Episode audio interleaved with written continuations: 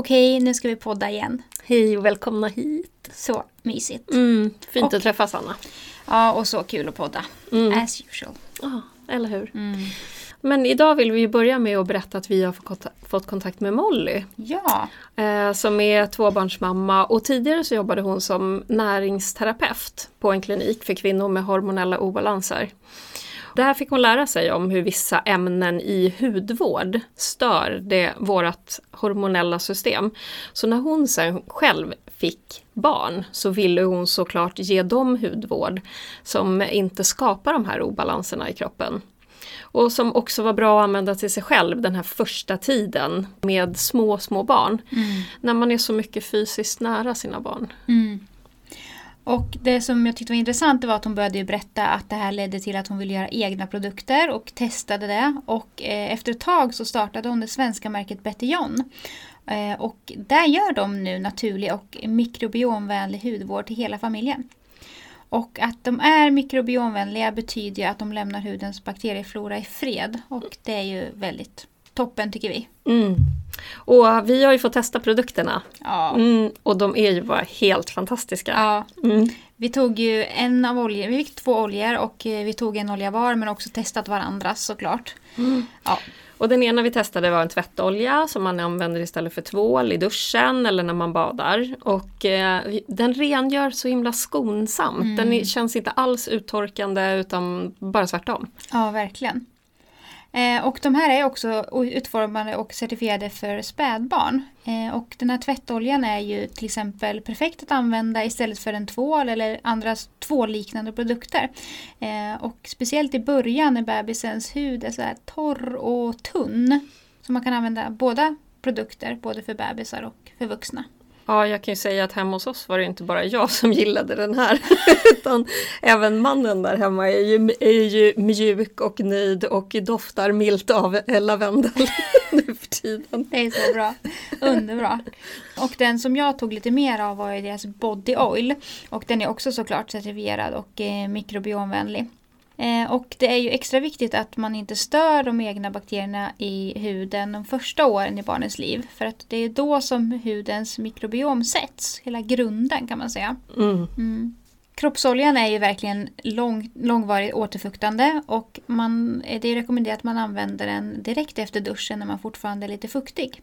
Eh, och jag är ju, bara för några år sedan så var jag verkligen inte så mycket för oljor. Jag var alltid lite rädd att det skulle bli fläckar på kläderna och att eh, man känner sig så här glansig och halkig. Och det gör man verkligen inte av den här utan den, den går fint in i huden och den luktar eh, lite milt av vanilj. Och faktiskt så sa min son som aldrig säger någonting om hur jag ser ut eller luktar eller någonting, mm, i alla fall inget positivt.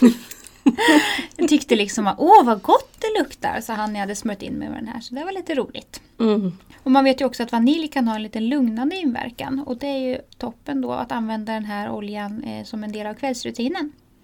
Mm. Så skönt. Ja, Mm.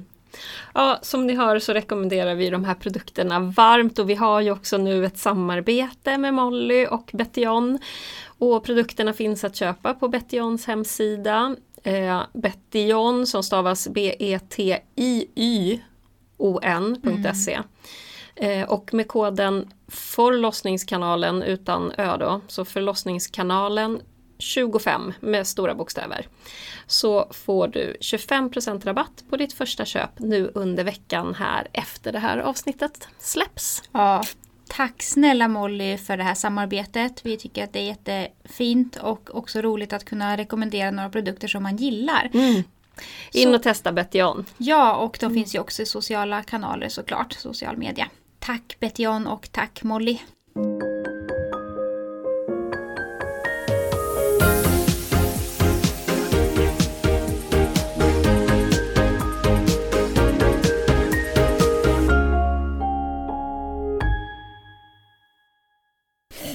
Bra för oss. Vi har så många sidor så jag kommer ju låta när vi bläddrar runt bland papperna. Därför inte jag har papper. Nej, du har dator, du är lite mer. Men det är du som brukar vara analog. Ja, Mm. men då är det papper och penna. Precis. Jag lägger dem här så får vi vara tysta när vi ska bläddra och byta sida. Jag tänkte på det att vi har faktiskt ett, eh, jag har faktiskt en mapp i datorn som heter bloopers. Så det finns ju lite bloopers från podden.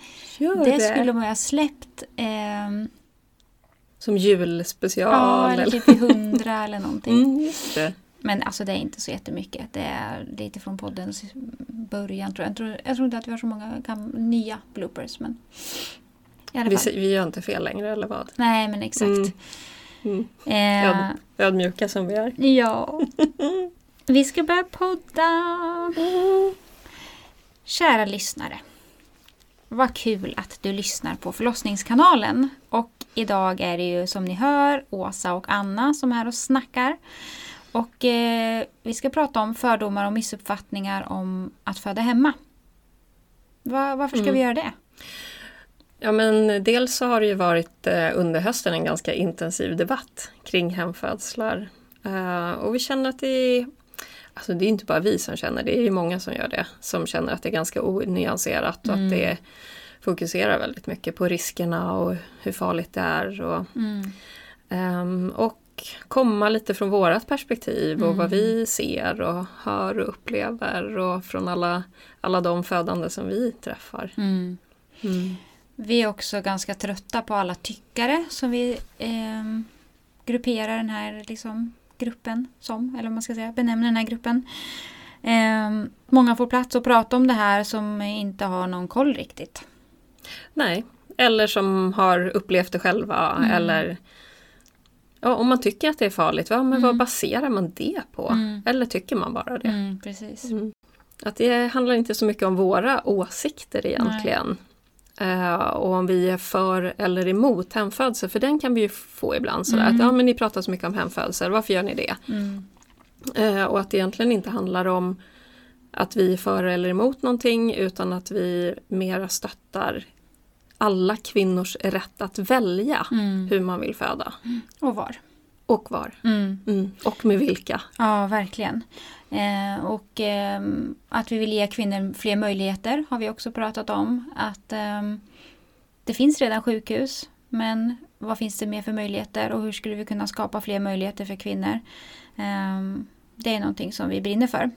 Och det är också så här, bara för att vi liksom, alltså, jag är ju förespråkare av hemfödslar, eh, måste jag ändå säga. Jag brinner för att eh, man ska ha rättighet, rätt att välja var man vill föda och hur men också att om fler hade kunskap om vad hemfödslar innebär och vad en födsel faktiskt kan vara och är och inte är så tror jag att det finns stora möjligheter att fler skulle få positiva, bra, stärkande upplevelser. Det är jag helt övertygad om.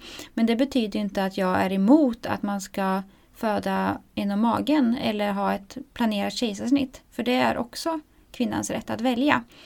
Eh, och det är inte svart eller vitt.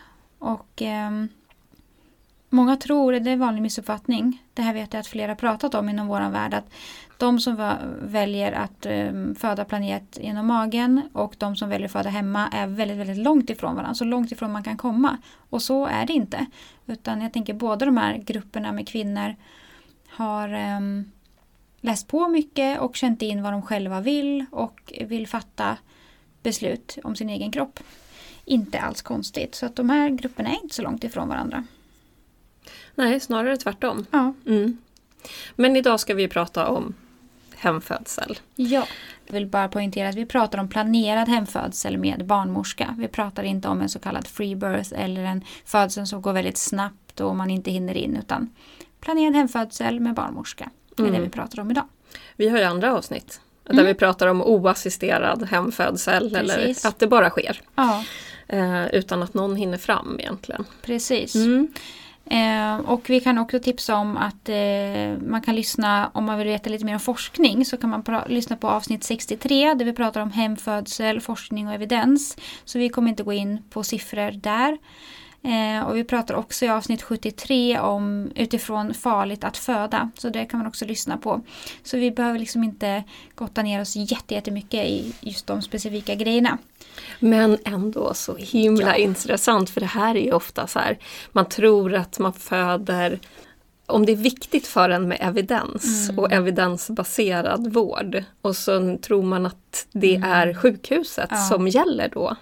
Då kanske man ska gräva lite Ja. till. Jag tror heller Mm. inte att det är så många som föder på sjukhus idag som har kollat någon forskning. Alltså jag tror att det är ganska Nej. ovanligt. De som är väldigt pålästa är ofta de som väljer hemfödsel. Mm. Men det ska vi prata lite mer om Mm. alldeles strax. Yes. Eh, jag vill också nämna innan vi går in på alla ehm, liksom allt vi har fått in från er lyssnare, alla fördomar och missuppfattningar som ni hör och möter och kanske själva tycker. Eh, så bara ge den här andra sidan också. Eh, nämligen att en vanlig missuppfattning är att bara för att man föder hemma så blir det lugnt och harmoniskt och det går snabbt och så vidare. Det är också en fördom. Mm. Vad tänker du om det? Jag tänker direkt på din egen På förlossning. ja, på din födsel. Ja, för så var det ju inte. Det har ju du också berättat om här i Mm. podden. Ehm, så um, att föda hemma kan ju också vara väldigt många olika saker. Mm. Det är ju liksom, man brukar säga att det, är, ehm, det är inte mindre ont för att man föder hemma. Men många upplever ju det för att de har väldigt mycket oxytocin. För att man är så ostörd. Och då kan det av den anledningen göra mindre ont. Men man ska också ha med sig att det beror på så många olika saker. Att man upplever att det gör ont eller inte ont. Ehm, det kan ju bero på bebisens position. Det kan också bero på mammans position. Eh, det kan bero på var i förlossningen man befinner sig.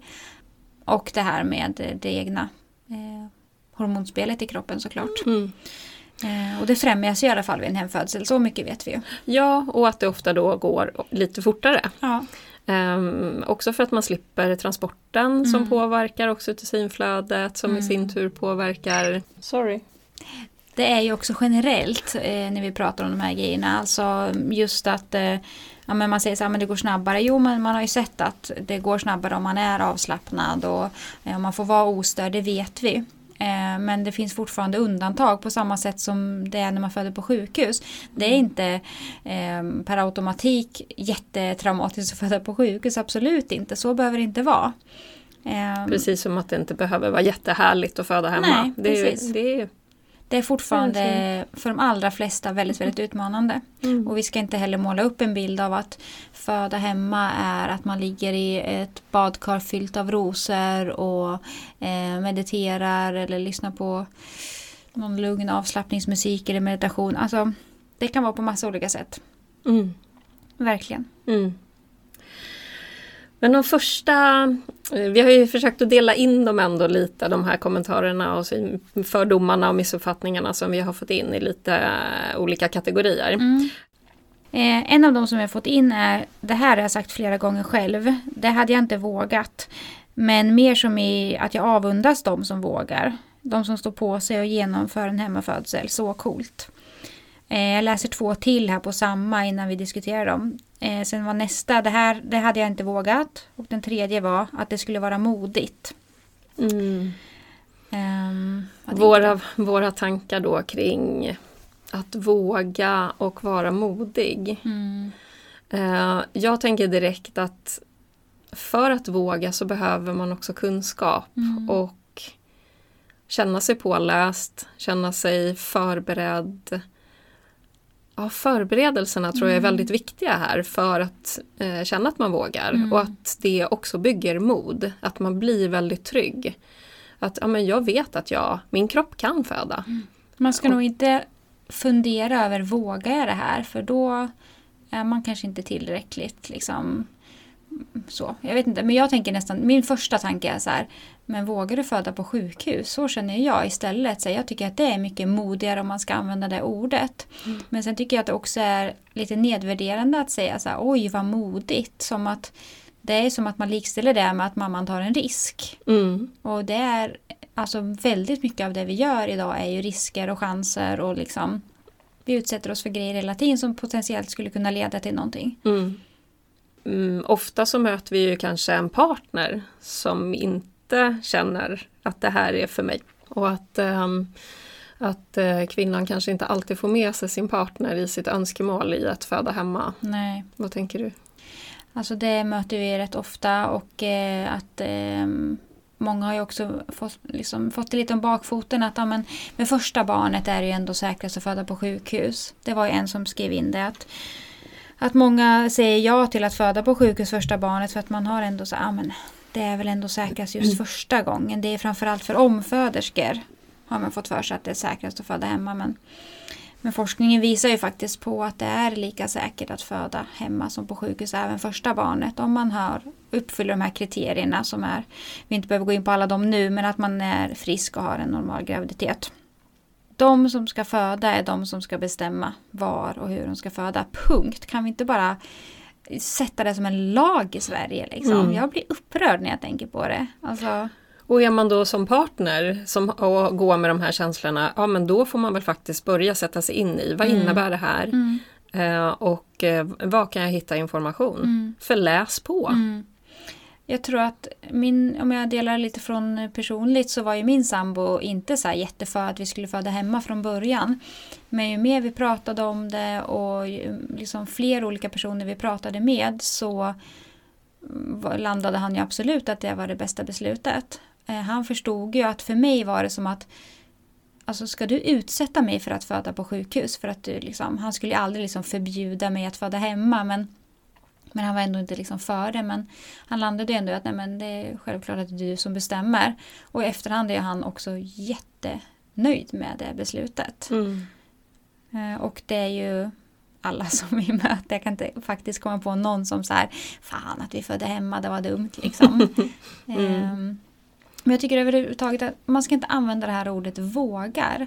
Liksom, varken mot de som föder på sjukhus och som jag gjorde eller de som föder hemma. Alltså vi Mm. behöver sluta använda det. Mm. För det är som att säga att du gör någonting farligt och det när det kommer till ens barn så vill ju aldrig någon att det ska hända någonting med sitt Mm. barn. Nej, och den där diskussionen är så, eh, så knepig tycker jag. För, eller knepig kanske den inte är. för att det är ju fort, det är ju alltid, så länge bebisen är på insidan så Mm. handlar det ju om mig och min kropp. och hur jag vill ha det. Eh, och eh, mina önskemål och mina behov. Men ofta så väger man ju, måste man ju hela tiden ta så här jag kan ju uppleva det här att man spelar barnkortet. Liksom. Mm. Att, ja, men tänk om något händer bebisen. Ja, och då får man lite offra sig själv för det. Ja. Liksom. Ja. Eh, Och vi är så bra på det redan som det är, vi kvinnor. mm, Att göra saker på bekostnad av oss själva mm, och våra kroppar. mm. Och där börjar det. Ja. Mm. Det var ju väldigt mycket sådana här som vi fick in om att våga eller vara modig. Ehm, Men sen kom vi in lite på rättigheter. Att ehm, flera Ja. tänker, får jag det? Ja. Ja. Och det är ju inte bara med hemfödsel, det är Nej. ju föda i vatten eller eh, vad det nu är. Avsäga sig rutiner. Ja, får, får man det? Mm. Ja, Alltså- och det är väl klart att du får. Mm. Jag, jag får så lite obehagliga rysningar på riktigt när Ja. jag hör det. Mm. För det är som att, eh, speciellt när det är kvinnor som ställer den här frågan. För att även om de inte liksom menar det på det här sättet, de har inte tänkt på det, man så här, behöver inte ta det så allvarligt. Men liksom, det är ändå som att man säger att man inte har rätt att bestämma över sin egen kropp. Mm. Nej, det är jättesorgligt. För att självklart får du bestämma var du vill föda. Sen är det ju inte självklart att man får igenom ett eh, planerat kejsarsnitt till exempel. Och det har vi ju fått en del kommentarer på. Varför ni pratar ni inte om det och så vidare. Eh, och det tar vi ju verkligen med oss, självklart. Att det kan vi också prata mer om.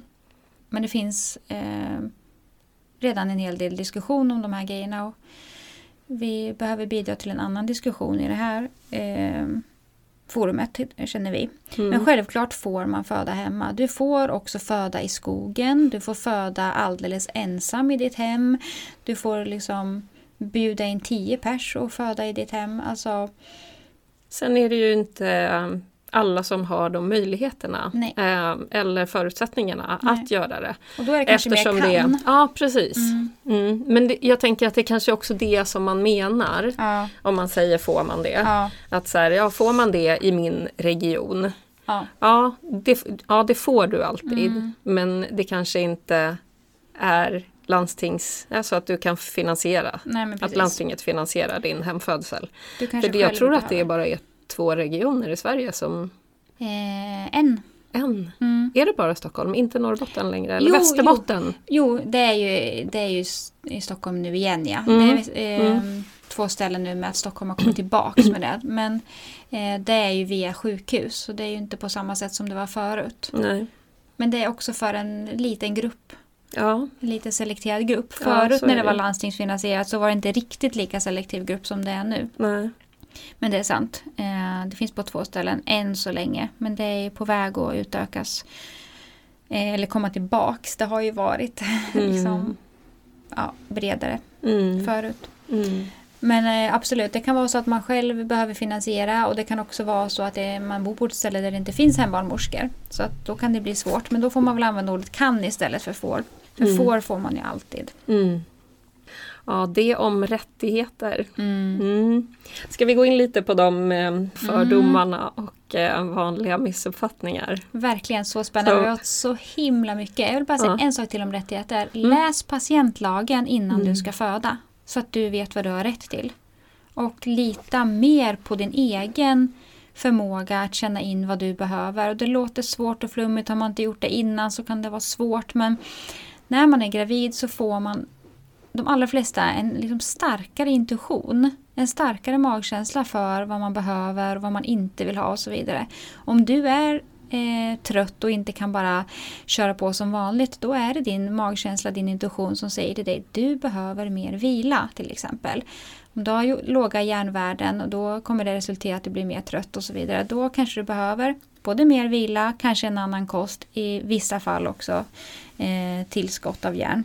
Mm. Men testa under graviditeten och lyssna på det. Mm. Vad du behöver och hur mår du om du faktiskt följer det och hur mår du om du inte följer det. För Mm. det kan bli väldigt stor skillnad. Eh, Då är det också lättare under födseln att känna in, ja men jag har faktiskt sagt nej till eh, att de eh, ger mig livmodersammandragande i stunden. Hoppas, att, hoppas jag att du fortfarande känner att jag kan stå i mitt beslut för jag vet att det blir bäst när jag lyssnar på vad jag vill. Mm. Lyssna på vad man vill men också, och också öva på att uttrycka sina Mm. behov. Och faktiskt säga att nej men det här, så, det här, så här vill jag ha det. Mm.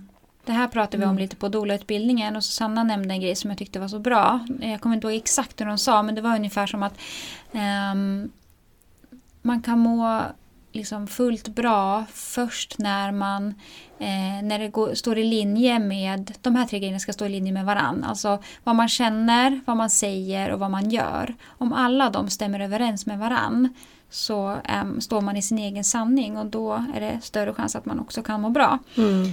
Eh, och det funderar jag en del på så här, ibland när man hamnar i situationer där man så här, känner sig jätteirriterad eller liksom, och så håller man tillbaks. Då får man ofta ångest eller Mm. man känner sig nedstämd eller man sover sämre. För att man går emot sig Mm. själv. Mm. Mm. Och det är inte bara att så här, man inte känner in vad man vill utan man kanske känner helt, antagligen känner man helt rätt men att man inte agerar utifrån den känslan. Mm. Kommer Ja. lite på ett sidospår. Men, Ja men jag, åh, då vill jag också ha så här, om vi i alla fall ska loopa tillbaka. Mm. Eh, vi pratar lite finansiering sådär att, ja, eh, att det kan vara dyrt att föda hemma. Mm. Ehm, ja och det är det här, och, ja vad är dyrt? Ehm, ja det, det kostar en slant om man ska finansiera det själva. Men det, jag tänker på det Sita och Johanna sa Mm. när, eh, från BB Gårda och barnmorsketeamet när de var här. Att eh, det är inga rikingar som föder hos dem eller föder hemma Nej. med dem. Utan det här är eh, människor som gör medvetna val och sparar över tid. Mm. Det är ofta medelklass. Mm. Mm. Mm. Så det är viktigt att ha med sig också för det, den kan ju vi också få sådär Ja. att som dolor. Att vilka är det som föder med dolor? Mm. Ehm, Och det är alltid den här aspekten, ja men det finns de som leder, lever på existensminimum och de kanske inte har möjlighet att spara, inte ens fem år eller liksom inte ens Mm. tio år. De finns ju alltid med. Och därför är ju vi och barnmorsketeamet som vi pratade om, jag vet det, är verkligen för att det här ska vara landstingsfinansierat. Det är ju det vi vill. Men bara för att alla inte ska liksom kan föda hemma, då ska ingen få det. Jag tycker det är ett argument som inte håller. Det är liksom inte... Nu är vi inne i en annan diskussion än jämlik vård. mm. Ja, det är stort. Mm. Nej, men vi går in på fördomar och vanliga missuppfattningar som Mm. vi har skrivit som en slags överskrift på en jättelång radda kommentarer som kom in när vi frågade vad ni har hört. Och vi kan inte ens läsa alla för det var typ, ja det var jättemånga, det skulle ta lång tid. Mm. Den som väldigt, väldigt, väldigt många skriver är att jag, mitt barn, min mamma, min kompis, min svärmor eh, hade dött. Mm. Om jag inte hade varit på sjukhus. Precis. Om jag hade fött hemma. Mm. Och den här kan ju jag själv verkligen, verkligen känna in. Mm. För det här, så här har jag känt, Mm. så här har jag själv sagt. Ehm, och jag har ju gjort min resa i efterhand Mm. och läst på och förstått vad jag var med om och hur det påverkade min förlossning. Mm. Eh, interventionskaskaden, hur den påverkade eh, och hur jag landade i ja, hur det, att, det, att det hände mig. Ja. Ehm, och det är precis när du pratar om så här, hur vågar man föda på sjukhus? Mm. Det är sådär, eh, ja men visst kan man göra det men se också till att vara påläst där Mm. och förbereda dig där. Mm. Så här, vad passar mig, vad passar inte mig, vad vill jag göra och vad vill jag inte göra? Mm. Vilken vård vill jag tacka ja till? Mm. Vil- Vilken vård vill jag avsäga mig? Eh, så den här är, ja det är så många som skriver den och Mm. upplever den. Och tankar som dyker upp i mig är ju, ja men, ja vad hade hänt om jag hade stannat hemma såklart. Mm. Jag tycker det är jätteintressant att, eh, att liksom en av oss två kan sitta här och liksom ja, men vad ska man säga, erkänna att jag har sagt det där. Jag har Mm. gjort det där på samma sätt som jag beundrar de läkare och barnmorskor som erkänner att jag har eh, gjort övergrepp. Självklart inte med mening men i efterhand har jag förstått att varför inhämtade jag inte samtycke och så vidare. Eh, jag tycker att det är något starkt och jag tror att väldigt många blir bekväma i att och det är så skönt att liksom eh, inte ta i det där utan att det var en jättejobbig händelse men åh tack och lov jag överlevde och så lever man i eh, jag skulle inte säga förnekelse men någon slags bubbla bara av att vilken tur att de räddade mig och eh, liksom, det är skönare att landa i en slags tacksamhet Mm. för att man själv och sitt barn överlevde än att ehm, och, och i och med det blir det ju tyvärr att man beskyller sin egen kropp också. Mm. Att det var fel på min kropp. Vilken tur att vi var på sjukhus för jag kunde ju faktiskt inte föda. Ehm, istället för att ta tag i det och ehm, som du säger att man gör den här resan. För att det kommer ligga där och gnaga. Alltså på ett ytligt plan kan det vara skönt att bara vara tacksam mot vården. Men det finns risk att det kommer upp när man föder nästa gång. Eller när man går in, i ett nytt stadie i livet. Man kanske går igenom en skilsmässa eller någon nära går bort, någon anhörig går bort. Eh, kanske klimakteriet. Alltså olika stadier i livet där man på något sätt förändras. Då kommer de här sakerna komma i fatten. I Mm. de allra, allra flesta fall. Och det är då när man gräver i det här och är nyfiken och vill kanske faktiskt hitta rätt person att lägga, eller system kan man säga, eh, oftast, att lägga skulden på. Det är då jag tänker att man kan landa och förhoppningsvis må bra och hitta tillbaks till tilliten till sin egen kropp. Mm. Ja, jag tänker utifrån barnperspektivet också. Hur vi pratar med våra barn om födandet. Ja. Eh, Och hur många barn som kanske blir skrämda och får höra att men jag höll på att dö när, du, när jag födde dig. Mm. Ehm, den, den måste vara jobbig att gå Mm. med och Mm. bära. Och jag tänker det är ett Mm. sånt stort ansvar också att förälder, som hur man som förälder pratar med sina barn om att föda barn. Man kan inte säga liksom förlåt men att eh, men det, det blev kejs, akut kejsarsnitt, du fick födas inom magen, det blev operation och så för att, för att det tog så lång tid och min kropp ville inte riktigt och liksom Mm. Nej, man måste väga varje ord man väljer, speciellt när man pratar med eh, kvinnor eller barn, liksom flickor. Men också pojkarna, för att de är antagligen de som kommer vara bredvid. Och de, deras åsikter och tankar och känslor kommer spegla, speglas i, på kvinnan också. Mm. Det här pratar vi ju ofta med doula-klienter om, så här, vil- vilken syn man har Mm. på födandet och, och var, vad ens första minne Mm. är. Och ofta så är ju det att man har blivit skrämd på något sätt. Ja, verkligen. Mm. Jättevanligt. Mm. Om man har sett eh, filmer på tv och bilder och så vidare. Mm. Eh, Det här är en, vi kanske har nämnt det innan, men en övning från Birthing from Within, att man pratar om the first birth story. Mm. Jag tror att vi har pratat om det innan. Mm. Eh, Men att eh, man funderar över vad man har för första bild av vad en födsel kan innebära för en. Men vi går in på Mm. de här lite vidare. Och fler, väldigt många var ju så här att det är farligt. Eh, det blir ofta akut och rör sig om sekunder om något händer. att det är farligt för mig och barnet, tänk om något händer. Vi fick också höra att eh, man inte bryr sig om sitt ofödda barn eh, som har rätt till adekvat vård när hen föds. Alltså den kan vi väl ta. Mm. Alltså rätt till adekvat vård. Huh. Alltså för Mm. har man ingen kunskap och tillit till att barnmorskan kan erbjuda det. Mm. Barnmorskan är ju den som har kompetens att bistå vid en födsel. Alltså de kan svin mycket om komplikationer också, även om deras liksom, handläggningsområde, eller vad man ska säga, eh, är friska eh, födslar. Okomplicerade födslar så är ju de flesta väldigt kunniga på, på komplicerade också. Men, Ja, och framförallt att identifiera avvikelser. ja, det är de ju proffs på. Eh, och jag tänker, nej, men vi som också ser hembarnmorskor jobba, det handlar ju också om kontinuiteten eh, som man inte har på sjukhus. Ehm, den här barnmorskan har ju träffat den här kvinnan, har känt på den här bebisen under graviditeten, de känner varann. Eh, här, här vet barnmorskan långt i förväg att nej, men, nu är det något som inte står, står rätt till eller ja men nu kanske vi, och då byter man ju vårdnivå. Precis. Den Och här det rör sig bedömningen inte är de, nej, väl, nej, men väldigt sällan Mm. akut. Mm. Ehm, de överföringar som, eh, som jag har varit med om är ju väldigt, väldigt odramatiska. Ja. Och ofta handlar det ju inte ens om att det är någonting eh, som är fel, som är fel Nej. utan att man kanske vill ha mer smärtlindring Mm. eller nu behöver barnmorskan gå av sitt skift Mm. eller ja, Det tar lite lång tid. ja precis. Mm. Mm. Nej men där finns det ju jättemycket att prata om. Varför, varför gör man överföringar och liksom hur det går egentligen till. Men jag tror att en del som, jag vet inte om det är så många av de som lyssnar, men många av de här som har de här fördomarna har nog liksom en bild av att ja, men det behöver finnas en läkare där, det är en läkare Mm. som kan hantera de här situationerna. Men, och så tycker man kanske att det är lite flummigt att så här, barnmorskan eh, har det här i händerna och känner in och så här, men Alltså, hur kan vi lita mer på liksom...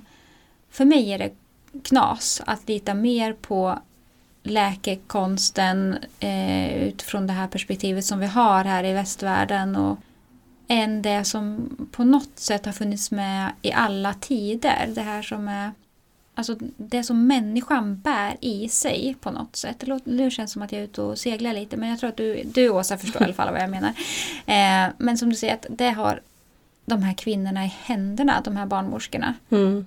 Att vi ska inte förkasta att även de har en stark intuition och deras erfarenhet är ju helt otrolig. Vi vill verkligen, verkligen lyfta den kompetens som framförallt hembarnmorskorna har när det gäller att eh, ligga steget före. Mm. Och vi vet i forskning att eh, caseload midwifery, alltså att man har samma barnmorska under graviditeten under födseln. Det finns gott om evidens för att det är det absolut säkraste. Mm. Och det är inget flum med det överhuvudtaget. Så det handlar ju inte om att man inte att man förvägrar sitt barn adekvat vård. Eh, för barnmorskorna kan göra jättemycket. Ja, det var en Eh, sån vi fick in också. Ty- Mm. Tycker att det verkar som att folk tror att barnmorskor inte kan göra något om bebisen inte skulle må bra. Mm. Det finns någon uppfattning om vad som, att vad som helst farligt kan hända som hotar bebisens liv och att eh, de då inte har något att tillgå. Mm. Att man vet inte att barnmorskor både har mediciner med sig och eh, kan ge andningsstöd. Mm. Det är liksom bara fakta. Mm. Att eh, de har läkemedel med sig och är jättebra på att eh, ventilera ett barn som eh, kanske inte syresätter sig jättebra när den kommer ut. Så det är om vad barnmorskorna kan göra. Mm. Jag tänker också att det är så här, det här, det här En sån här kommentar handlar också om att ta så här kraften från kvinnan och Mm. hennes val. För är det några kvinnor som är pålästa och införstådda med vad som kan hända Mm. så är det kvinnor som Mm. väljer att föda hemma. Eh, så är så här, hon har gjort sitt val. Mm, Då stöttar vi det. exakt. Mm. Ja, det är precis som du säger, man tar kraften från kvinnan, man kuvar henne, man försöker bestämma över henne och skrämma henne på olika sätt. Det här är liksom det är så konstigt att det här ens diskuteras 2024. Mm. Alltså att man har åsikter om det. Alltså, Men många kvinnor som väljer att föda hemma, de pratar ju inte om det. Nej, Just för att slippa Mm. den här påverkan utifrån och de här kommentarerna. det är jag, så sorgligt. Ja, det är jättesorgligt. Men jag förstår, jag Mm. förstår dem. Mm. Mm.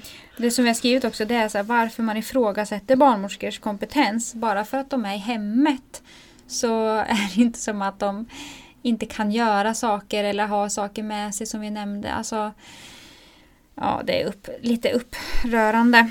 Mm. Um, annan kommentar som vi fick in här var som, jag, som har att göra med det här lite att mitt barn, min mamma, jag hade dött och så vidare. Det var så här. ehm, en vanlig kommentar. Jag skulle aldrig kunna göra det. Följt av en historia om skada vållad av sjukhuset. Det här Mm. hör ju vi också jättemycket. Mm. Alltså att man tror, som vi pratade lite om nyss, att om jag inte hade varit på sjukhus hade jag dött. Och så börjar man bena i vad var det som hände och så förstår man i den här historien att det där var ju sjukhuset som vållade. Det var ju på grund av att du var på sjukhus som det där hände. Med Mm. största sannolikhet hade det där nog inte hänt om du hade varit hemma Mm. eller om de här grejerna åtminstone inte hade gjorts mot dig. Mm. Och där finns det ju tyvärr lite för lite kunskap tycker jag att det Mm. låter som. Mm. Mm. Håller med. Eh, och sen var det en Mm. kommentar. De måste vara helt galna som vill sitt barn illa. De borde inte få ha barn. Alltså, Nej, men återigen det här. Mm. Alltså att få fatta beslut om sig själv, sin egen kropp, sitt födande och sina barn. Mm. Mm. Jag tycker liksom att, som du säger, de som föder hemma är ofta väldigt väl pålästa. Alltså, ska de inte få skaffa barn för att de inte vill följa normen? Mm. Och vad är normen? Jo, det är någonting som vi har hittat på nu, att normen är att föda på sjukhus. Eller det har ju blivit det. Men I så har- Sverige? Ja, så har det verkligen inte varit alltid. Så har det inte varit alltid, så är det inte andra länder. Eh, De här, flesta barn föds ju fortfarande hemma. Om man kollar i världen. ja, i världen. Mm. Eh, och i Sverige där vi har eh, en välutvecklad eh, mödravård Mm. så upptäcker vi de här avvikelserna och kanske, ja men, nej men du borde kanske inte föda hemma Nej. för att du behöver ha tillgång till vård. Mm. Ehm, en annan typ av vård. Mm. Mm, Men det här med att många diskuterar så här, men tänk om något händer. Och då är det ju intressant, men vad är det som du tänker på? Skulle Ska kunna hända. hända. Mm. Då är det väldigt få som kanske kan svara. Men då är det så här, men tänk om det behövs ett akut kejsarsnitt. Det är ju väldigt vanligt att barnmorskan upp- uppfattar i tid att någonting inte står rätt till. Och där tar ju inte barnmorskorna några risker. Utan hellre en överföring för mycket än en för lite. Ehm, ett akut kejsarsnitt sker ju oftast någon gång inom en timme. Det är ju liksom inte efter tio minuter.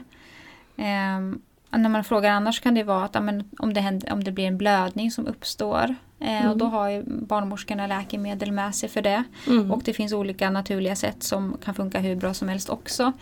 Eh, och där är ju, även om det finns forskning på vissa så är ju beprövad erfarenhet precis lika bra många Mm. gånger.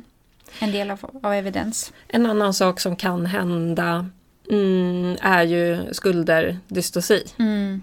Ehm, men det är ju barnmorskorna tränade i och har kompetens kring och kan hjälpa Mm. bebisen precis så, på samma sätt Ja. som man gör på sjukhus. Ja, ja precis på samma sätt.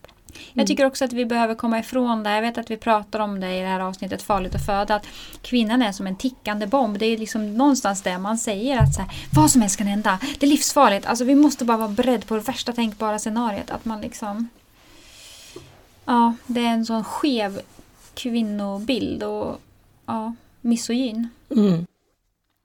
Det finns ju fler fördomar såklart. Mm. ehm, Och missuppfattningar. Ehm, att det är livsfarligt. Att det är olagligt, Olagligt. att barnet inte får något personnummer att, eller att man eh, ska gömma och isolera barnet och att det är någon slags anledning. Ehm, ja, Jag vet inte riktigt vad vi ska säga om det här. nej, jag tror att ni Men- som lyssnar ändå fattar. Olagligt är det absolut inte. Eh, livsfarligt är det inte heller. Barnet får visst ett personnummer. Barnmorskan skickar in papper så barnet får visst det. Mm. Och gömma, isolera barnet. Jag tror inte att det är anledningen att folk väljer att föda hemma. Nej. Jag vet inte ens hur jag ska besvara det helt ärligt. Nej.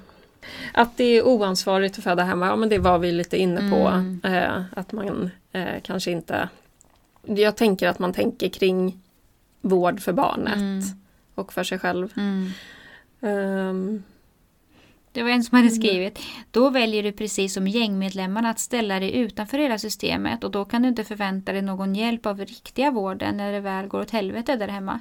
Alltså tänk den som har fått höra det här. ja. Bara, du blir likställd med gängmedlemmarna för att du väljer att föda hemma. Mm. Alltså det är så... Jag kan typ sitta och skratta åt det här nu för det är så förvrängt och sjukt. Men som gravid att få höra det här. Mm. Alltså när man är så liksom öppen och liksom... Att så fort man inte gör enligt norm Mm, så, ställ, så ställer man sig automatiskt utanför ett system och då har man heller inte rätt till hjälp när man men- behöver. Eh, och det här, det här är så intressant för i andra samhällen, mm, alltså om vi bara tittar över gränsen i Norge eh, så har vi fler no- vårdnivåer än vad vi Mm. har i Sverige. I Sverige har vi en. mm, Eh, så det är också så här, men kika lite utanför gränserna. mm. Ehm, Är det annorlunda att föda barn i Norge än ja, hemma precis. i Sverige? Ja. Så det handlar ju också om vilket system man, vilket system man ställer sig utanför. Ja. Och det är ju verkligen inte sant. Man har ju alltid rätt till vård. Att vi alla äter moderkakan. Ja, Det, så är det, det inte heller. det gör ni väl? Vi, den här gruppen. Jag Mm. som jag tillhör nu när jag fått, när jag Mm. fått hemma. Eh, nej men så är det ju såklart inte. Det är väldigt många som föder hemma som också tycker att det är äckligt med moderkakan eller som inte alls är intresserade av den. Eller som tycker att det är mycket finare att ge den tillbaks till, till eh, naturen till exempel. Eller så. Mm. Det är en fördom helt klart. Precis som att en del som väljer att föda på sjukhus Mm. tar med sig sin moderkaka. Mm. Mm. Alltså de flesta moderkakor som jag har kapslat in, jag kanske har kapslat in runt 50, de har jag ju hämtat på sjukhus. Mm. De absolut flesta. Mm. Mm. Eh, att vi är emot elektiva kejsarsnitt och vill att alla ska föda naturligt. ja. Mm. Nej, så Det- är det ju inte. Det började vi ju inledningsvis Ja, med att exakt. ändå säga. Eh, även om vi kan sitta och så här, göra oss lite lustiga över en del kommentarer. Eh, men det är ju också för att det ibland, ja men det känns verkligen, jag kan känna sådär hur misogynt det är Ja. och jag kan ana sådär, ja inte bara ana, Nej, men den, den ojämställdhet som Mm. finns. ehm, att inte vården är jämlik och att Mm. inte vi får de förutsättningar och valmöjligheter som vi har Mm. rätt till. Mm. Till och med enligt WHO. Ja, precis. Så läs vad det står där. Men alltså Mm. anledningen att vi liksom skrattar och liksom gör oss lustiga över en del kommentarer. Det, de här kommentarerna kommer inte från er utan det här är sånt som ni har fått höra, liksom, eh, ni lyssnare. Men det är också för att det som de här fördomarna bidrar med i samhället, det är bara dåligt. Det bidrar inte till någon typ av liksom förändring eller eh, att vi ska gå samman eller någon förbättring på något sätt. Det, Mm. det blir bara skadligt för alla. För att de som uttrycker sig så här, de känner sig på något sätt eh, liksom påhoppade för att de vill något annat än vad man själv vill. Mm. Och de som får det här slängda emot sig tycker inte heller att det känns nice för det är, jag vet ingen som så vill att alla ska föda naturligt. Och vad innebär det ens? Liksom? Mm. Att vi är emot all sjukvård. Så är det Mm. inte heller. De flesta som föder, jag skulle säga alla som föder planerat hemma med barnmorska är ju liksom för sjukvård på det sättet att man vill ha vårdpersonal där, eller man ska säga, alltså utbildad personal. Men det är också att, att föda är inte sjukt. I grund och botten är det friskt. Så det, där ska vi mer prata om friskvård. Att föda, när vi föder har vi rätt till friskvård och det är sånt som stöttar liksom, kroppen att föda friskt. Mm. Inte som behandlar kroppen som sjuk. Men sen finns det avvikelser eh, och tillstånd Mm. där man behöver sjukvården. Mm. Och då kanske det ändå är tryggast det är ungefär 15 procent. mm, att Mm. föda på sjukhus. Men är man frisk? Mm. Mm. Att jag som födande inte har gjort research, Mm. det har vi ju redan eh, pratat om. Mm. Eh, de här kvinnorna är ju ofta väldigt väl förberedda och pålästa. Ja, då, när vi Mm. dolar de som ska föda hemma då blir församtalen, de ser ofta väldigt annorlunda ut Mm. jämfört med dem när vi... Ja, vad pratar då? vi om då? Ska du berätta lite om det? Ja, men om vi Mm. har församtal med de som ska föda hemma då behöver vi inte liksom gå igenom alla sjukhusrutiner. Även om jag tycker att det är bra så här ha bestämt sig hur man vill göra med vissa grejer ifall det blir en överföring så har oftast mamman eller familjen väldigt bra koll redan. Så de är så här, ja, men om det blir sjukhus då säger jag nej till det här, ja till det här, nej till det här, ja till det här. Och så behöver man inte gå in på och liksom berätta vad alla rutiner innebär. Så de har till och med läst på om sjukhusrutiner fast de planerar hemfödsel. Mm. Så det säger någonting tycker jag. Då handlar det mycket mer om att så här, vad behöver ni för att känna er trygga? Vad behöver ni från mig som dola? Vad behöver du från barnmorskor och partner, stödperson? Eh, hur kan vi liksom optimera förutsättningarna i ditt hem? Eh, och jag tänker också eh, vad skulle göra att du vill åka in och hur skulle en sån överföring ändå kunna göras på ett tryggt sätt? Och, eh, då kanske vi går jobbar mer med liksom fysiska grejer. Så här. Hur kan vi stötta dig fysiskt? Mm. Med massage, stryk, ställningar. Eller vill du bli ensam och lämnad i fred mycket? Var, liksom, var blir du trygg av att jag befinner mig? Blir du trygg av att jag är nära ditt ansikte? Eller i rummet bredvid? Eller sitta och eh, anteckna i ett hörn? Eller vad det nu kan vara. Fotografera. Så församtalen ser väldigt annorlunda ut. Mm. Det blir väldigt mycket mer nästan föreläsande för de som ska föda på sjukhus. Och jag försöker att inte göra det så mycket. Men eh, man märker att många behöver och vill ha mycket information och kunskap. Och det är ju också mm. makt på ett sätt. Mm. Att ha det. Mm. Och det handlar inte om att vi som doler inte tänker att du kan föda bara för att du föder på sjukhus. Men det är andra förutsättningar. Mm. Det är bara så. Att det inte skulle gå att föda hemma utan att läsa på jättemycket och att det kostar för mycket även om man skulle vilja. Mm. Det är också en kommentar. Mm. Man Mm. behöver inte själv vara barnmorska för att föda i hemmet. För att din kropp är gjord för att föda. Och jag vet att en del blir lite provocerade av att höra det här. För att de kanske haft en jättejobbig födsel och inte alls har den känslan. Eh, men då kan vi återigen titta på vilka förutsättningar hade du? Um, vi behöver inte gå in jättemycket på just det men um, man behöver inte ha, alltså det är inte hjärnan som föder utan det är kroppen. Mm. Och kroppen har den kunskap och den kompetens om den får rätt förutsättningar. Sen kan Mm. det eh, behöver inte det betyda att det blir, går enkelt och snabbt bara för att kroppen redan kan inom situationstecken. Det är Mm. fortfarande en jättestor utmaning och ett stort hårt arbete för de allra, allra flesta att föda. Mm. Men eh, ibland blir det nästan för mycket intellekt och det kan ju istället stå i vägen. Ja, så är det. Fundera, att man funderar över vad, är, vad, vad gör mig trygg Mm. än att kanske skaffa massor med kunskap om Mm. hur det går till. Bättre att de som är runt omkring har mycket kunskap så du som ska vara bredvid någon eller tillsammans med någon som ska föda hemma behöver kanske mer kunskap enligt min Mm. mening. Och att det kostar för mycket även om man skulle vilja, den har vi berört. Mm. Men jag tänker också så här, hur kan vi mm, Hur kan man få ihop den här pengen? Här ser vi ju så många olika eh, olika initiativ och olika sätt. Mm. Eh, vi har förståelse för att det, det går verkligen inte för alla. Nej. Eh, Men eh, man, man ser på Facebook så här födelsedagsinsamlingar, Mm. det är det här jag önskar mig. Eh, Man kan be familjen om, om hjälp och stöd. Mm. Ehm, Många kan ju också avbetala. Mm, Som BB Gårda berättade att de har ju att man kan ta räntefria lån via något. ja eh, just det, om man vill föda hos dem. Ja, Ja, precis. Mm, som ändå är en hemlik. För de som tyckte att det var mycket pengar att föda där. mm. Eh, så att man kanske har en bild också av att det kostar mycket, mycket mer än vad Mm. det faktiskt gör. I Stockholm ligger det någonstans mellan eh, 25 och 35 Mm. om man föder hemma med en privat anlitad barnmorska. Så att en del kanske har bild av att det kostar mycket, mycket mer. Jag vet att eh, en av mina doula-kollegor utanför doula-gruppen hade fått kommentar från en pappa som sa Va? Kostar det bara så? Jag trodde det skulle Mm. kosta mycket mer. Mm, Då hade han liksom hört hur det var i andra länder. Och att så här, men han hade ju räknat med att en doula skulle kosta runt 50 000. Liksom. mm. Ja, om man räknar till timpenning så Borde det kosta Ja. det? Mm. Ja, om man också pratar om det som ett hantverk. eh, Mm. Så om man... Ja, en han, hantverkarlön Ja. mm, på timme. Mm.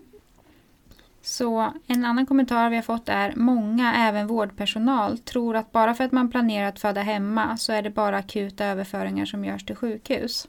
Ja, det pratar vi lite om. Mm. Att, det, att det egentligen sällan är någonting akut som mm. gör att man överför. Mm. Och många mm. startar ju sin födsel hemma och mm. åker in till sjukhus för att föda där. Mm, liksom, ja, överföring görs ju i de allra flesta fall under en födsel. Och överföringen i sig kan ju bidra till komplikationer och eh, farliga saker för att man åker in och så stannar verkarna av och då tycker man att på sjukhuset ah, men här tror jag kom, det har inte så mycket verkar och det har haft vattenavgång och då sätter vi ett dropp och så är man igång med riskerna. Så att en överföring kan absolut innebära risker även vid en planerad sjukhusfödsel. Mm. Men vad tror du ändå, ja, nu har vi pratat massor med missuppfattningar mm. och fördomar. Vad är det ändå som gör att det här eh, att det är så många som har de här åsikterna mm. eller går igång så på det här ämnet. Det blir ofta så långa trådar mm. så fort man börjar prata om det här. Mm. Uh, uh, och uh, Yoga Girl, Rakel Brotén fick sitta i alla morgonsoffor mm. och, och prata om sitt val. Och försvara sin vilda graviditet. Mm. Mm. Vad, vad, vad, vad, tänker du? vad är det som ens... gör? hur kan man ens använda ordet vild graviditet? För att man använder det begreppet som något negativt. För mig är det bara så härligt, vild och härlig. liksom som en vildhäst ser jag framför mig. Gör som hon vill. um, nej men, det är så mångbottnat. Men jag tror framförallt att det ligger så nära för många. Alltså, om man tänker så här, vilka är de här personerna som har de här åsikterna? Det är inte så här en selektiv grupp liksom. Eh, bara det är bara, bara män eller bara kvinnor eller bara äldre eller bara föderskor. Alltså, det är så brett vilka de här personerna är. Det, men jag tror att det ligger nära för många för att det är liksom något slags det är en, jag vet inte om jag ska säga mellanmänsklig, men det är någonting som alla går igenom. Man föds, eh, alla människor föds och hälften av befolkningen föder och väldigt, väldigt många blir föräldrar och är med på en födsel eller flera under sitt liv. Det är en väldigt stark upplevelse för de flesta oavsett om det är en enkel födsel eller en väldigt komplicerad utdragen födsel så är det någonting som påverkar en på djupet att föda eller vara med på en födsel. Och det kan vara både positivt och negativt och allt däremellan. Eh, så jag tror att det väcker någon slags, liksom, det väcker den djupa, djupa, starka känslan. Men man får heller inte ha med sig att, eller måste också ha med sig att man kan inte bara ha en upplevelse som en referensram eller två. Jag har fött ett barn eller två eller tre barn och då kan inte det liksom likställa hur det är att föda barn. Att man kan inte säga så här, men så var det inte för mig, så därför kan det inte vara så. Man bara, mm. ehm, men det går inte att ha det som grund för en slags diskussion eller åsikt. Alltså det blir bara tyckande. Mm. Om man kollar på liksom forskning, evidens, alla studier som görs då har man ju en väldigt stor grupp människor som man kollar på någon slags gruppnivå, population. Alltså, där tror jag att många kommer ut och cyklar väldigt snabbt och lätt. Mm. Så det bottnar ändå i en del rädsla, okunskap. Mm. Men jag, och jag tänker också utifrån så här, mitt eget perspektiv, jag som också har sagt att både sagt och känt att om jag inte var på sjukhus hade jag dött. Mm. Eh, att det också blir, du touchade på det lite, att det också blir en förklaringsmodell för mm. en själv och att här känner jag mig trygg, nu har jag förklarat varför det här hände mig. Mm. Eh, och att man inte riktigt vill gå dit igen. Eh, och då behöver man också ja, i de här kommentarstrådarna där det kan bli ganska hetsk mm. stämning så ser vi ofta dem. Mm. Eh, de kvinnorna som har haft en sån upplevelse. Ja. Eh, som strider väldigt mycket som för, eh, för det. Mm. Och, eh, och varför gör man det?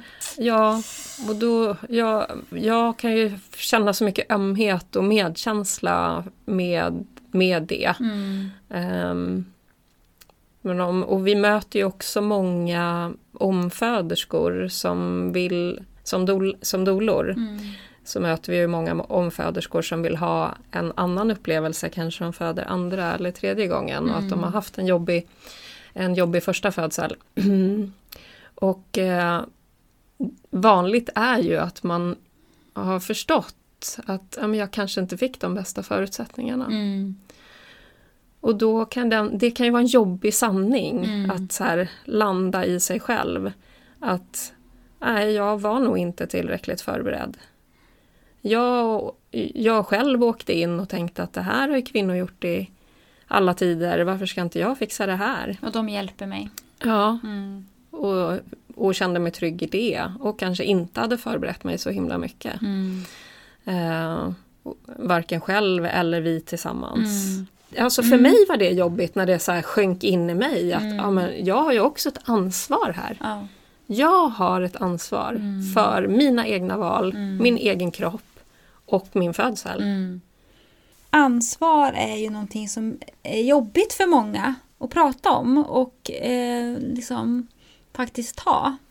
Det sitter långt in, speciellt om man tycker att ja, men vadå, jag läste ju alla böcker som de sa på barnmorskemottagningen. Det var ju liksom, jag läste ju tre böcker och gick på två föreläsningar. Liksom, jag är ju förberedd. Alltså, det handlar ju också om att förbereda sig inom citationstecken på rätt sätt och på rätt saker.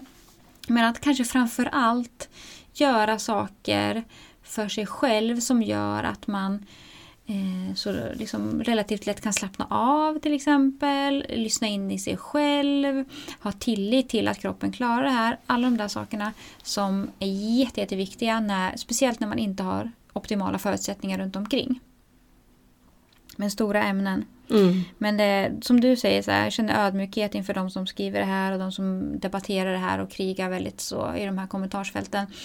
Och jag förstår det utifrån vad du kommer ifrån och utifrån vad jag kommer ifrån så blir jag ju liksom lite mindre skön person. Att jag blir irriterad och tycker liksom att eh, hur kan man ta den här diskussionen när man har så lite på fötterna? Mm. Eh, men det kommer ju, man måste ha Man har ju sin kommer. egen upplevelse Ja. med sig Mm. in i det. Mm. Och jag, jag, har eh, jag har ju själv valt att inte föda Mm. fler barn. Mm. Ehm, och skulle jag gjort det, nej men jag hade ju verkligen varit den som är för elektivt kejsarsnitt. Mm. Det hade ju varit min enda väg Mm. Eh, där och då. Mm. Så att jag har verkligen alltså jag har sån, eh, eh, sån förståelse Mm. för hela det här spektrat. Mm. Och vi måste hela tiden komma Mm. ihåg också att vi inte ska lägga skulden på kvinnorna. För den hamnar väldigt lätt där. Mm. Att det är, eh, och inte heller på enskilda liksom, individer. Det är klart att det finns de som jobbar inom vården som är riktiga puckon. Men ofta är det andra saker som det handlar om. System och så vidare. Mm. Um, ska vi gå vidare Mm. lite? Mm. Frågor som jag har fått. Eh, alltså det här är någon som skriver av er lyssnare. Vad kostar det? Får man medicinsk smärtlindring? Vad gör man om något händer? Vad kostar det har vi redan pratat Mm. om. Får man medicinsk smärtlindring? Nej, Nej. det får man ju inte. Och det är en del som säger men lustgas kan man väl få. Men det, i vissa andra länder kan man få lustgas vid hemfödsel. I Sverige nej. Mm. Så det vi jobbar med är ju det icke-medicinska. Mm. Och så där kan vi göra så mycket. Ja, det finns ju massor. Mm, vi ser ju också mm, att ofta hemma, det höga oxytocinpåslaget Mm. Hjälper ju också kroppen Mm. att det inte gör lika ont. Nej men precis. Mm. Oxytocinet gör ju att endorfiner frisätts och det smärtlindrar ju kroppen i sig. Eh, men också hur vi pratar om så här, smärtlindra. Att liksom hela tiden tänker att det är något farligt, något vi måste ta bort, något vi inte tror att vi kommer kunna hantera. Så Det finns ju Mm. olika sätt att prata om det och förbereda sig på det innan också. Och det finns ju också kvinnor som just väljer hemfödsel för att man inte vill vara nära Precis. eh, epiduralen eller Mm. lustgasen för Mm. att man känner att nej men då tar jag nog till den. Mm. Ehm, och man vet eh, baksidorna. Mm, och man kanske känner att jag egentligen vill jag inte ha det. Men Nej, finns det precis. där så kommer jag nog ha svårt att säga nej. Och vad gör man om något händer? Mm, det har vi Mm. också pratat om. Mm. Att I det här fallet pratar vi om planerad hemfödsel med barnmorska. Och då är de experter på att ligga steget före. Mm. Eh, och det gör de ju genom att de är där hela tiden. Så de behöver inte vaginalundersöka hela tiden för det finns heller ingen evidens för. Men man behöver inte ha kontinuerlig övervakning utan man ser och man hör och man känner. Yes. Och man eh, åker in om det behövs. Ja.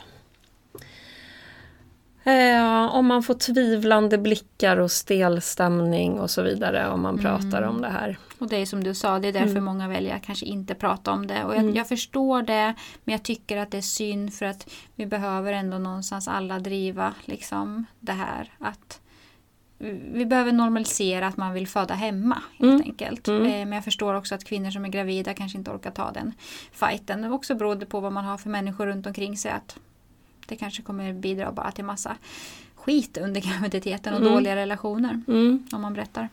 Eh, här kan man ju eh, det brukar hjälpa om man så övat in lite. Så här, Mm. Men vad säger jag i de här situationerna om, jag, Mm. får, om jag får frågor eller blir bemött på ett dåligt sätt? Mm. Så här, nej, men tänk till innan. Så här, men då svarar jag på det här sättet.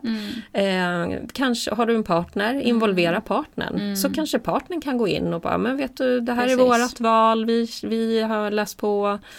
Mm, Mm. Här kan du läsa mer om du är Mm. intresserad, för det finns så mycket. Mm. Eh, Och bara, jag är inte intresserad av åsikter, kan vi prata om något annat? Men då kommer vi tillbaks till det här lite om eh, varför jag kom på idén att vi skulle skriva spela in ett avsnitt om det här. Och det var ju från en diskussion med en på Instagram efter vårt avsnitt om revolution i BB-fabriken. Det här kommentarsfältet var på en, inte någon av våra, i någon av våra kanaler utan en annan kanal. Så var det någon som hade tipsat om det här avsnittet. Och så hade den personen fått massa svar att det här var en dåligt producerad podd och så vidare. Och eh, jag gick in lite där och liksom kommenterade lite. Eh, och det som, en del av de grejerna som fick mig att som gjorde att det här väcktes i mig var eh, att den här personen också hade ganska lite kunskap. Eh, men jag tänkte bara läsa ett par grejer av det hon skrev. Hon hade skrivit väldigt, väldigt mycket. Ehm, det är en fråga om barnmorskor är villiga att sänka sin lön så pass mycket att det ens ska att finansiera hemfödslar. Eh, vi behöver liksom inte gå in och kommentera allt det här men självklart ska barnmorskor ha ordentligt betalt. Det behöver Mm. man inte ens eh, nämna. Eh, annars måste man förstå att det måste börja kosta pengar utöver skatten vi betalar för oss att föda barn. Eh, det vet vi ju faktiskt att eh, komplikation, det blir färre komplikationer om man har en frisk födsel, okomplicerad födsel. Och det blir billigare för samhället eh, på sikt Mm. med de här födslarna. För de här mammorna kommer inte behöva lika mycket vård varken när de föder eller efteråt. Det blir också färre bristningar som man behöver ta hand om och depressioner och så vidare. Eh, Det här med att det är privilegier- privilegierade människor som har råd att föda hemma har vi också touchat vid. Eh, Det här tycker jag är lite beklämmande på ett sätt. Jag kan säga att det hade varit en- en ren och skär trauma för mig att föda hemma med någon flummig person som vill att jag ska lära känna min kropp. Ja, Ja, vad säger vi om det flummiga människor, Mm. de flummiga människorna? Där brukar ju vi också bli inräknade som dolor och Mm. inte bara hembarnmorskor, eh, de som föder hemma och dolor. Eh, Och att man vill lära känna sin kropp. Mm. Mm. Och det är så beklämmande att man inte förstår alla fördelar med det. Inte bara när man föder utan i resten av livet. Um, ja, jag kan inte nästan bemöta det. Men, Men, samt, men samtidigt så är vi också olika människor. Mm. Och för alla människor passar inte det här. nej. Så om du känner det här skulle vara ett rent och skärt trauma för mig Mm. att föda hemma, Mm. ja men då är ju inte hemfödsel någonting för dig. absolut inte. Och då ska inte du föda hemma, men för det så behöver vi inte ta bort valmöjligheten Exakt. för de som vill. Nej, exakt.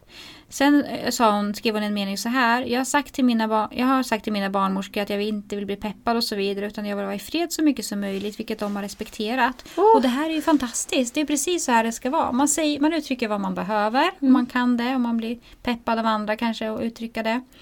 Eh, Och det här är ju ofta någonting som kvinnor som väljer att föda hemma ja, vill vara Det här, fred. det här är en, Mm. ofta en av anledningarna till Mm. att man vill få vara ostörd, Mm. vill få vara i sin kropp i Mm. födandet. Mm. Mm. Så fint att hon ändå hade blivit respekterad i det. mm, verkligen. Mm. Och jag tänker att då behöver vi också respektera varandra. Och, Åt eh, båda håll. ja, Mm, I sina egna val.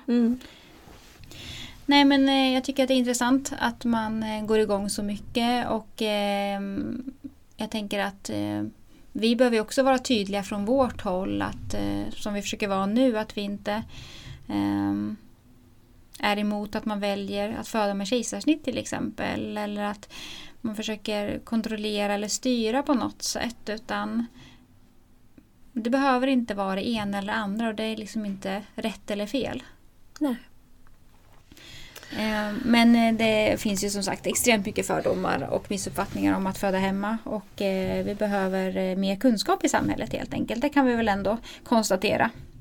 Respektera varandra Mm. och ha kunskap. Mm, verkligen. Mm.